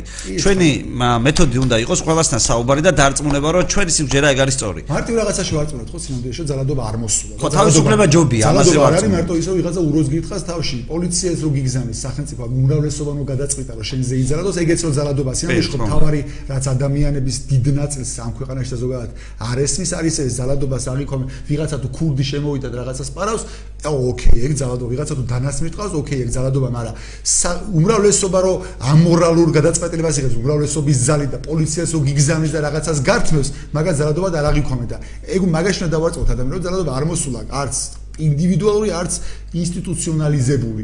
ხო და მაგას რაც მეც დავაჭერეთ მით მეტი ადამიანი იქნება ამ პლატფორმის ნაწილი მით მეტად მოვიგებთ მათ შორის ამ ბრძოლასაც რომელიც აქ არის ნახსენები. ერთი ასეთი კითხვა 6 თვე შეერთხელ არჩეულ ხალხთან დაკავშირებით არჩევის შემდეგ ქულების ახლა იწყება თავიდან თუ დაგროვებადია? არა დაგროვებადია თავიდან როგორ დაიწყება დაგროვებადია საბოლოო ჯამში თუმცა როტაციის პრინციპზე შემოვიღებთ, ცხადია რომ ვიღაცები ჩაინაცვლებიან რა, ანუ ზემოთ თუ არ ვიღაცა მაღალი ქულები და ორი ვადა იყო, მესამე ვადაზე ვეღარ იქნება და შემოსად ქემოთ ვინც არიან ისინი შევლენ. გიჩის სკოლები ატესტატს გასცემს სტუდენტებს საქართველოს უმაღლეს სასწავლებელში სწავლის გაგრძელება შეიძლებათ? და ეს ხუთი, ხო. სკოლაზე არის კონკრეტულად. გიჩის სკოლები ატესტატს გასცემს. ოღონდ იმის გამო რომ ჩვენ სახელმწიფო რეგულაციებს არ არ არ არ ვემორჩილებით ამ ატესტატს სახელმწიფო არ აღიარებს იმიტომ რომ ეს სკოლა არ იქნება რაღაცა ავტორიზებული, აკრედიტებული და რაღაცა ათასი ბოდები რაც არის. თუმცა სწავლის გაგრძელებას არ შეეხება, სწავლის გაგრძელების საჭიროა რომ გიჟ სკოლა დამთავრებულმა ახალგაზრდამ ჩააბაროს ეგრეთ წოდებული ერთიანი ეროვნული გამოცდები. დღევანდელი სისტემით ესეა. ჩვენ ფიქრობთ ერთიანი ეროვნული გამოცდების დედარეყოლება მალე და მგონია რომ რამდენიმე წლის ამბავია, იმიტომ უკვე გაუვიდა ყველანაირი ხალხი. მათ შორის საკონსტიტუციო სარჩელი საფუძველია ის რომ ადამიანს თუ შეუძლია მომზადებულია ერთიანი ეროვნული გამოცდები გამოცდებისთვის რა უფლებით არ უშვებ. იმის გამო რომ სკოლაში დავდიოდ და მაგდულას მოვიგებ. ანუ უმაღლეს შაბარება თუ ენდობა სკოლა დამთავრებულს, მე შემიძლია თქვა რომ გარანტირებულად მაგისის ვიომებ და მაგდულას მოვიგებ, ვერ ანუ შეუძლებელია სახელმწიფო მოიყონოს რამე არგუმენტი რაში რატო არ შეიძლება სკოლა დამთავრებული ახალგაზრდა გაუშვას გამოცდაზე ანუ რას გითხოთ გამოცდაზე გამიშვა შემომოწოდა თუ ვაბარებ შენ გამოცდებს მაშინ რა პონჩი არ მიშვებ უმაღლეში იმიტომ რომ ისეთ ფორმით სწავლ ისეთი ფორმის ინსტიტუტში გავიარე სწავლა რომელსაც შენ არ აღიარებ. რაში მაინ როგორ შეიძლება ეგ დაამტკიცო? ეხო სისულელია და თუ ჩააბარემ და ჩვენ გონია რომ თუ იმე სულელი ექნება ჩვენ სკოლა დამთავრებულს რომ საქართველოს უმაღლეში ჩააბაროს ერთიან ეროვნულ გამოცდებში არ უბრალოდ ჩააბარებს არამედ უკეთესად ჩააბარებს ჩვენ გონია რომ ნაკლები სულელი ექნება ჩვენ გვექნება ნაკლები სულელი ექნება ხო? ჩვენ ანუ საქართველოს ყველაზე მაინც რო უთხრა მაყურებელს საქართველოს ერთ-ერთი ყველაზე წარმატებული სკოლა ზალდასტანიშვილი ასევე არ ემორჩილება, რა სახელმწიფო რეგულირებებს ამ თვალსაზრისით. და ამიტომაც ამერიკაში ამერიკაში სწავლის უცხოეს სწავლისთვის და ჩემი აზრით ერთ-ერთი მიზეზი მათი გამორჩილობის და იმის რომ მაღალი ღირს სწავლა ძალიან მაგარი სკოლა ცოტა ხნის წინ ვიყავი და მართლა ძალიან მაგარი სკოლა არ ველოდი ანუ კარგია ძალიან ყველანაირი გაგებით მათ შორის და შეხვედრაზე გითხარი კიდევაც რა ბავშვების გარდა იყვნენ მასწავლებლები და მასწავლებლები. აა შენ ლექცია ქონდა იქ ხო? ხო, შეხ ბავშვებმა თხოვეს და ავედი რაღაც და აუ ერთი 1-2 საათი ვიყავი მეტი ალბათ, მაგრამ მასწავლებლები ბიჭო არცად არ ყოფილა. მე არ არ ყოფილა რომ სანუ უნივერსიტეტში მისულიყავი, სკოლაზე კი მაგრამ უნივერსიტეტში მისულიყავი და ლექტორები მოსულიყო და კითხები დაესვათ ლექტორები როგორც წესი, რაღაც ერიდებიან, ეშინიათ რავი რა ხდება, მაგრამ სტუდენტები არიან ხოლმე სკოლაში იყო ჩვეულებრივ მასწავლებლები შემოვიდნენ ჩვეულებრივ და მასწავლებლები მისვავდნენ ძალიან აზრიან კითხვებს. ისეთ კითხვებს, რომ აი რაღაცა ბუძგლავდა ისე სიამოვნო და გამისწორდა პოსტა, რომ მასწავლებლები არიან და მაგით მივხვდი, რომ მასწავლებლები სკოლა ჭეღარო ვიზახო ჩვენ სკოლაში თანასწორები მიყო. მაგით მივხვდი, ანუ ის კი არა, ის განცდა კი არ ქონათ, რომ აუ ეს რაღაცა მოსწავლეებისთვის არის ხა აქ მოსული და მე ხა რა პონჩი შევიდე კითხვა დაუსვა კი არ იყო. ჩვენ რომ თანასწორები ყო, მართლა უცხო და დაინტერესდა, როგორც ბავშვს დაინტერესდა და ის მასწავლეს დაინტერესდა და მე რა მინდა და რაზე ვლაპარაკობ და რატომ ესმის ესე რაღაცეები რა. ო და ძალიან მაგარი სკოლა კი. რეკლამა გავუკეთე ზალდასტანიშვილს.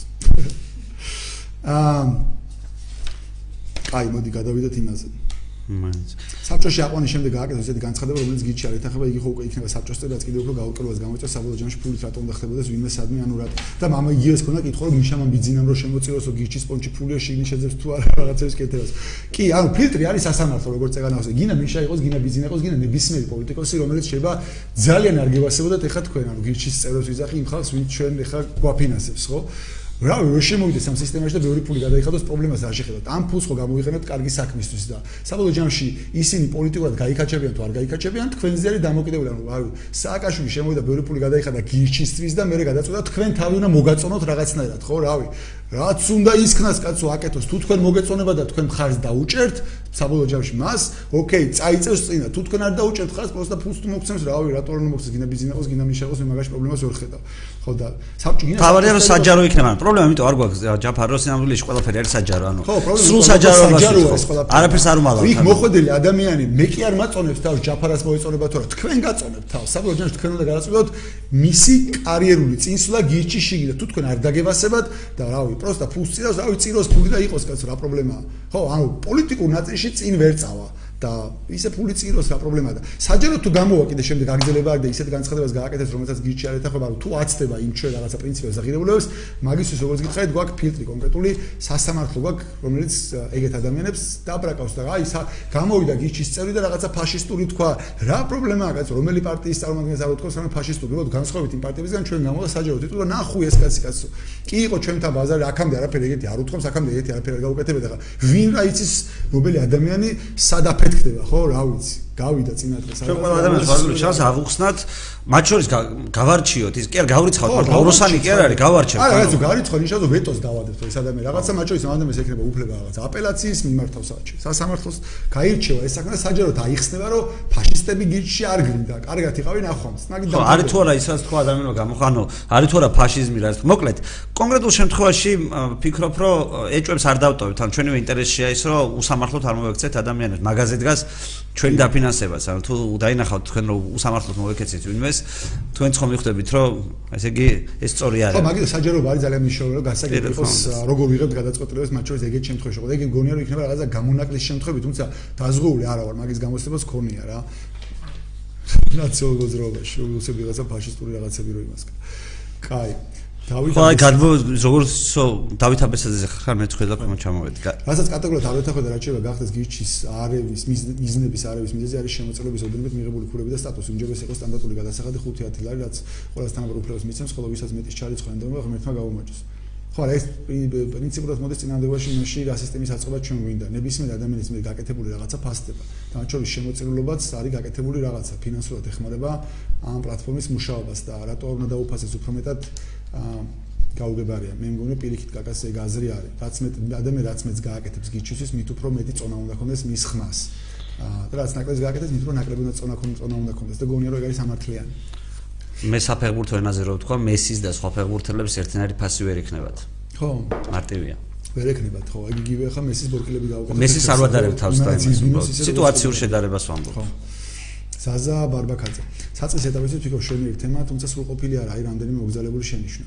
ერთი კულათა სისტემის ქვეთავის კითხვისას ბოლო ორი პუნქტი, რომელიც წევრებისა და შემომწირველების მოძიებას ეხება მეზედმეტება კონსტიტუციის სრულყოფას რომ ცდომე ხონდა სინამდვილე სიტუაციას აუარესებენ ეგეთი რაღაცა ეგეც აუ ვერ გავიგე ის თავი ანუ იდენტიფიცირება სრულიაო მაგალითად რასაც კითხო წავიკითხე ეს ისა პირველი არის რომ იდენტიფიცირება არის შეუძლებელი აი დღესო გააგირჩი შენ ვითომ და ხვალ გაგინებსო ეს კაციო იდეაში და ამ დროს რა შვებიო და მეორე სისტემიდან რა. ხო და ამავდროულად კიდე ვიღაცა ითამაშებს ამ ვიღაცის გადმობირება გადმობირება ითამაშებსო და ჩვენ თამაშის მომხრევართ გვიყვარს თამაში ითამაშოს.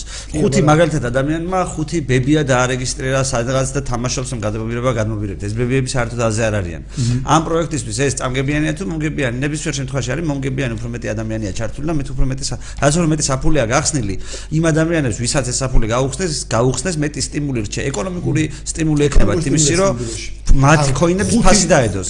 ბიტმა დაარეგისტრირა ხუთი ბებია პირველად რომელსაც ინტერნეტად წომა საერთოდ არ აქვს. ჩვენ ამას როგორც წეგავ თქვი უყურებთ რომ იმათ გაუხსნა ელექტრონული საფული. ანუ გულისხმობდა პრივატიზაციის პროექტში იმ ბებიებს დაარიცხება შემდეგ ფაქტობრივად 10000 10000 კოინი.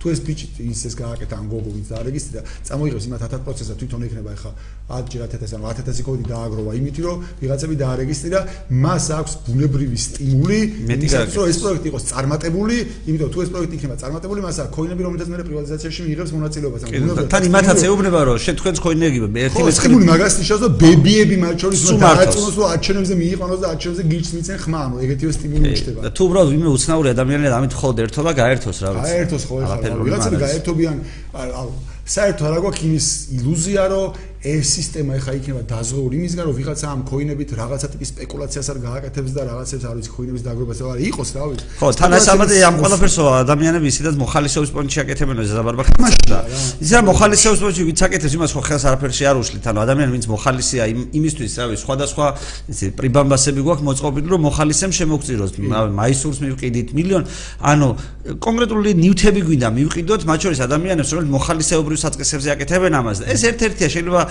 ბატონი ზაზასთვის არ არის საინტერესო, მაგრამ ვიღაც ადამიანისთვის ეს თამაში შეიძლება იყოს საინტერესო და ამიტომ გვინდა რომ მათ შორის შემომწირველება იმავე დღეს როცა ფულს იხდიან მაშინაც დაინახონ რომ რაღაცა მათაც არგებელი მიიღეს ამითი.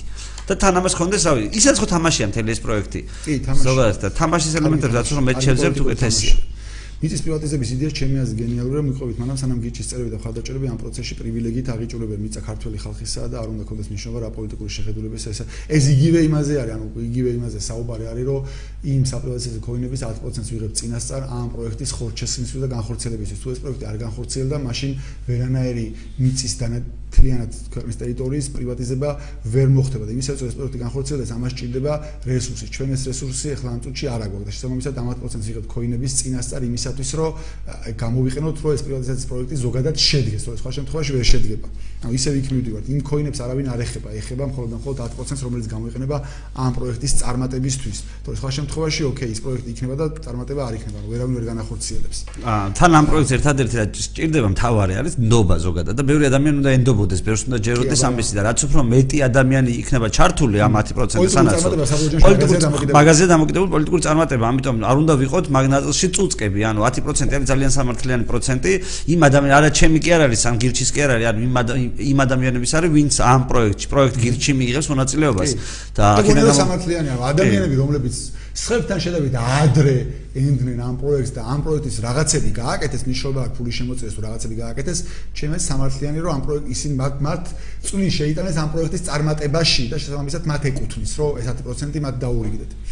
და მე მგონი ბოლოზე ვართ. მე მაინტერესებს გიორგი გოგოჭო, მე მაინტერესებს სხვა კოალიციებთან გაერთიანებას ან მათთვის ხადაჭერი საკითხი გიჩის ღირებულებს ვკითხულობთ ადამიანი თავარი ღირებულება და ბლა ბლა ბლა ნაცმოძრაობას და ოცნება შორის ამ ღირებულებით თუ გავაკეთებთ არჩევანს, ხომ ყველა შემთხვევაში ნაცმოძრაობა არ უნდა ავირჩიოთ, მას რატომ ვაწებოდით ვაშადის კანდიდატურას ზურა და ნიკა ზოგადად ამ მიმართულებით წინასწარ მეტი ესამპშენ ჭირდება რას ვიკადრებთ მომავალში და რას არ ვიკადრებთ, მაგალითად გიჩი არასოდეს დაუჭერს ხალხს პირდაპირ თუ ირიბად ისეთ ძალებს, რომლებიც არღვევენ გიჩის ფუნდამენტურ პრინციპებს.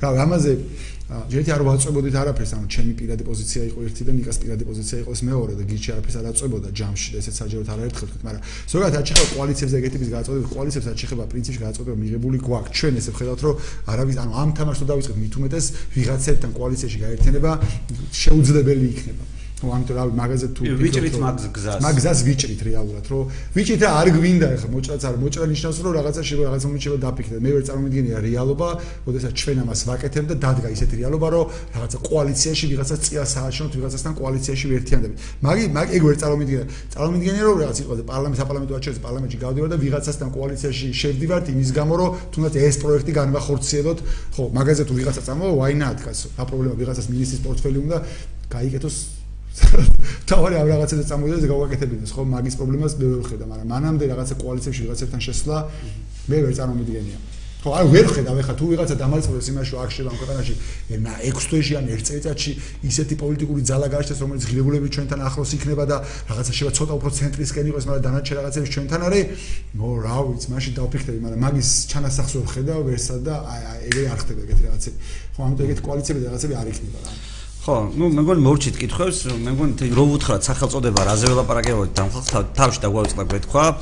აა ეს არის გირჩი სახალი სამოქმედო გეგმა, გირჩი რევოლუცია ამ შემთხვევაში და ასე თქვენ სათავრად თქვი ახალი პოლიტიკური თამაში. მოკლედ სათამაშო თვეპატიჟებით მხარდამჭერებს. ხო, მე მგონი ამ ადამიანებს თხოვოდა კიდე ვინც არიან ამ სოროსის გიჩის სოროსების ანუ შემოწირულების ჯგუფში ვინც არიან რომ რა ეხლა რაც გელაპარაკეთ ამის გათვალისწინებით კიდე ერთხელ იქნებ გადაიკითხოთ ეს დოკუმენტი თუ რაღაცა კითხვები გექნებათ კიდე რო გამოუშვათ ჩვენს რაღაცებზე ვიფიქრებთ მაგალითად აი 5+5+5-ზე შევა ვიფიქროთ შევა საინტერესო ამბავი იყოს ჩვენ ვიფიქრებთ იმაზე რომ როგორც ხდება ეს კოინების ამბავი მაინც და მაინც ბოლომდე გასაგებად არ არის ხახწელი და შევა მეტი რაღაცები იყოს დასაწერი რომ უფრო სასამართლოც არ არის გასაგები. და სასამართლოზე არ ნახსენები გვაქვს მე მგონი ერთ წინადებით მგონი ნახსენები. რაღაც ვეტოს უფლების პონჩი მაქვს ნახსენები მაგრამ სასამართლო ვაფშე არ საერთოდ მაქვს ნახსენები. სასამართლო უბრალოდ ისე ახსენებს როგორც პროექტი მანამდე ჩვენ აქ. ხო და ანუ რაღაცებს ვეცდებით რომ აქედან გამომდინარე რაც იყო გაუგებარი კიდე შევავსოთ ეგ ტექსტი. თქვენ გვინდა რომ კიდე წაიკითხოთ კიდე რაღაც კომენტარები და შენიშნები და რაღაცები თუ გექნებათ კიდე მოგცეთ. საბოლოო ჯამში გვინდა რომ ამ დოკუმენტს ახლა კიდე რაღაც საბოლოო სახე მივცეთ და უკვე ისე გავასაჯაროთ და მათ შორის ეს წევრების ჯგუფი რო არის მათმაც ნახო და ზოგადად უკვე ყველა ნახოს. ხო საჯაროდ დავდოთ. ხო საჯაროდ დავდოთ და საჯაროდ კიდევ ნახოთ სხვა ადამიანებს შეიძლება რაღაცა სხვა ტიპის შენიშნები კონდეთ რა ხო, აზრი ისა რომ საბოლოო ჯამში ამ დოკუმენტს მინდა მივცე საბოლოო სახე, კიდე კიდე ერთი საჯარო განხილვა მოვაწყოთ, ანუ საჯარო დავდე და მაგის მერე პრინციპში ეხა უკვე დაწყობილ მუშაობა ამის ტექნიკურ აწყობაზე, გვინდა რომ იდეაში ახალი წის მერე უკვე აქედან გამომდინარე უნდა აეწყოს, ანუ ამაზე უნდა შევთანხმდეთ რაღაცებზე, რომ მე ამაზე იყოს ტექნიკური რაღაცები მიმული. თუ ამაზე საბოლოო ჯამში რომ ჩამოყალიბდეთ და დავარყოთ ბეჭედს, რომ ეს რაღაცას ვაკეთებთ, უკვე ტექნიკურ ნაწილზე ახალი წის მერე აწყობა რომ დავიწყოთ და გვინდა რომ შეიძლება სწრაფად გავაკეთოთ რა. ამიტომ მნიშვნელოვანია კიდე თუ რაღაცას ვფიქრობთ, რაღაცებზე კითხვის ნიშნები რაღაცა ვერ გაიგეს. გაგვაგებიზე არ მიწერია კიდე იდეაში და მე მგონი ეგეც ალგორითმება ასახსნელი. საგამოთმო შევცეთ კიდე შევა ცალკე პროექტი იყოს რა. ერთ ცალკე პროექტი იყოს ხო რომელიც ახალი მოფიქრებული გვაქვს. მაგრამ აზრი ის არის რომ არ არ არ რაღაცას თუ ვერ გაიგებთ არ არ არ ჩათვალოთ რომ აი ეს მე ვერ გავიგებ მაგრამ შეიძლება ვიღაცებისთვის გასაგები იყოს და ამიტომ არ მოერიდოთ კითხვის დასმას. თუ რაღაცა გაუგებარია ჯობია ეხა გითხრათ რომ ამ დოკუმენტს მივცეთ ისეთი სახე რაც გარეთ რო დავდებთ გასაგები იქნება ყველასთვის რა. რომ მე როგორ ტექნიკურ ნაწილზე გადავერთოთ. აი, და მე მორჩი. ძალიან დიდი მადლობა ყველას. მადლობა. მადლობა შენც.